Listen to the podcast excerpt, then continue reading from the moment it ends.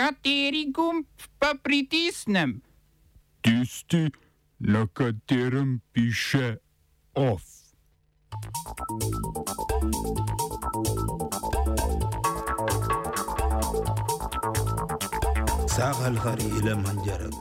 Uspeh v Nemčiji vodilne CDU na deželnih volitvah na Saškem.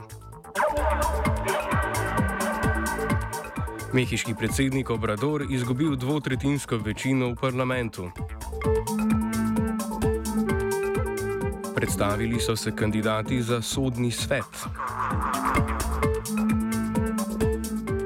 V kulturnih novicah koronske, diplomske in magistrske nove generacije akademskih fotografij.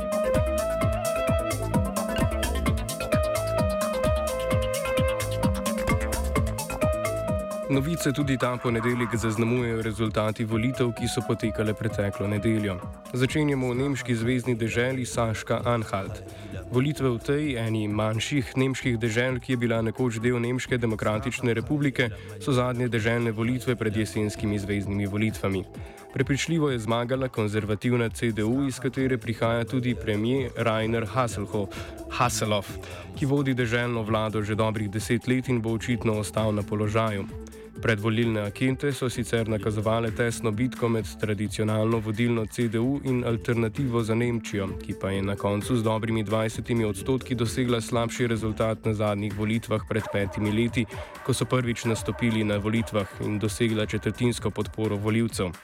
Zmagovalna CDU je dosegla 37 odstotkov glasov, 10 več kot leta 2016 in bo verjetno zlahka sestavila vladajočo koalicijo, saj jim z osvojenimi 40 mesti manjkajo zgolj 4 glasovi do večine v državnem parlamentu. Izbirajo lahko med eno izmed koalicijskih partneric, socialdemokrati in zelenimi, ali pa liberalci, ki so po 15 letih ponovno presegli volilni prag. V parlamentu bo še stranka Dilinke, ki je sicer poslabšala svoj volilni rezultat, a kljub temu dosegla tretje mesto.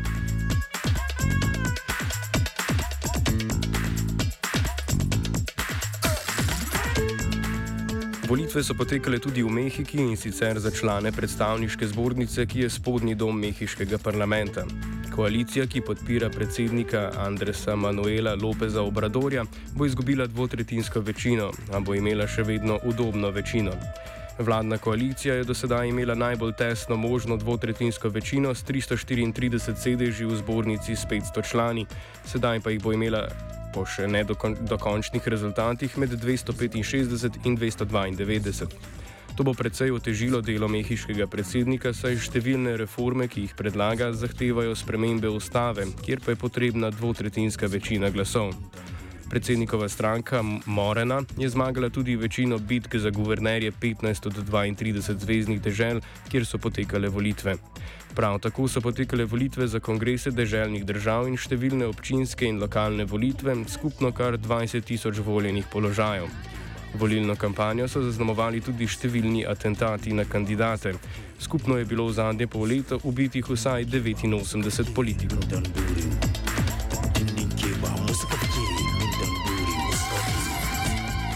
Predvsej nejasnosti pa je še v predsedniških volitvah v Peruju. Kaže na tesno zmago levičarskega kandidata Pedra Castilla, ki je prepričljivo zmagal v prvem krogu volitev. Opozicija Castillo se je zbrala za Keiko Fujimori, hčerko Alberta Fujimorija, ki je s trdo roko državo vodil celotna 90. trenutno pa služi 25-letno zaporno kazen zaradi korupcije.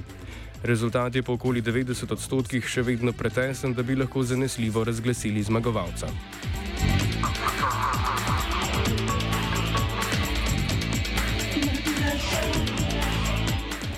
Ostajamo v Južni Ameriki. Kolumbijski predsednik Ivan Duque je napovedal modernizacijo policije.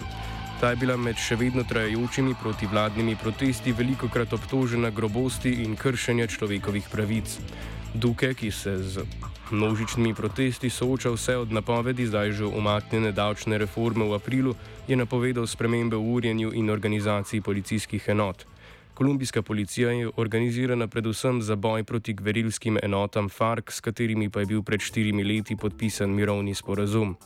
Kljub končanju vojne s FARC-om policija ostaja močno militarizirana in še vedno spada pod okrilje obrambnega ministrstva. Med napovedanimi spremembami ni razpustitve zloglasne posebne antidemonstracijske enote ESMAD, kar je ena izmed zahtev protestnikov.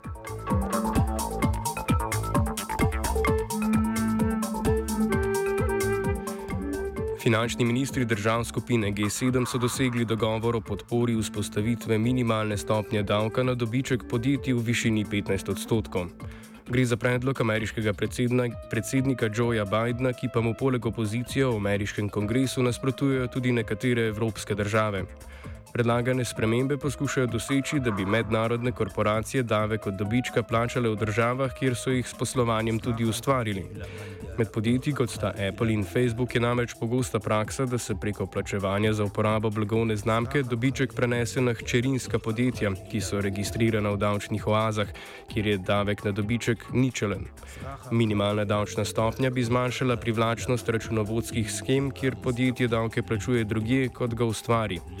Minister in diplomati so sicer v neuradnih pogovorjih prisotnim novinarjem priznali, da je pomemben faktor za dogovor želja dokazati, da države Zahoda, ki so združene v skupini G7, še zmorejo narekovati globa pravila globalne ekonomije tudi v času vse vplivnejše Kitajske.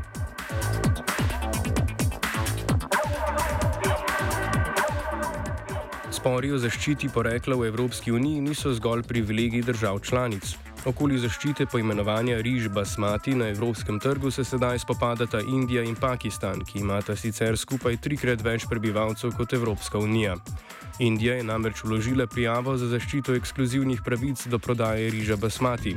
Temu močno nasprotuje v Pakistanu, ki je edini drugi večji proizvajalec tega značilno podolgovatega riža. Pakistan je v zadnjih letih svoj tržni delež v Evropski uniji povečal na dve tretjini, saj imajo indijski proizvajalci težave pri izpolnjevanju evropskih standardov glede uporabe pesticidov.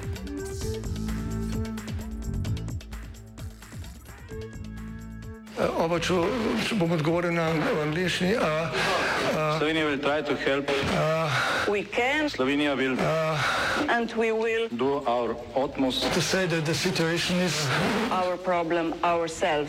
In da bomo naredili nadaljnje korake, as soon as the conditions are. Bomo vlado Marjana Cererja, Marjana Cererja Šarca podprli. Zelo, zelo resno. Slovenija. We know how and we will.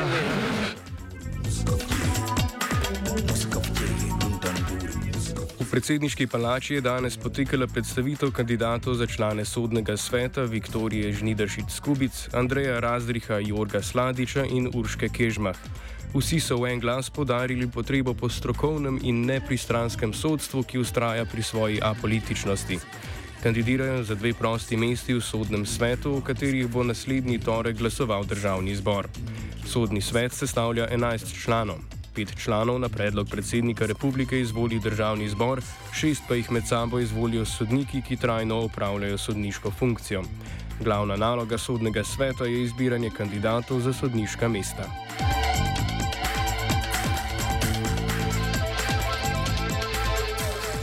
Družba Regal Trgovina, ki je v lasti družine Polonič, je napovedala prevzem ene največjih prehranskih družb v Sloveniji, Pan Vite. Agenciji za nadzor vrednostnih papirjev je namreč naznanila prevzemno ponudbo za 49 odstotkov družbe Pan Vita, ki še ni v njeni lasti. Pan Vita je imela lani nekaj več kot 7 milijonov evrov prihodkov, letos pa si obetajo precejšno rast zaradi višjih cen na trgu prehrambenih surovin.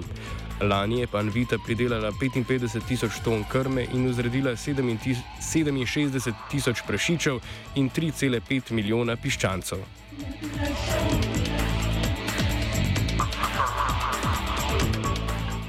OF je pripravil Gal.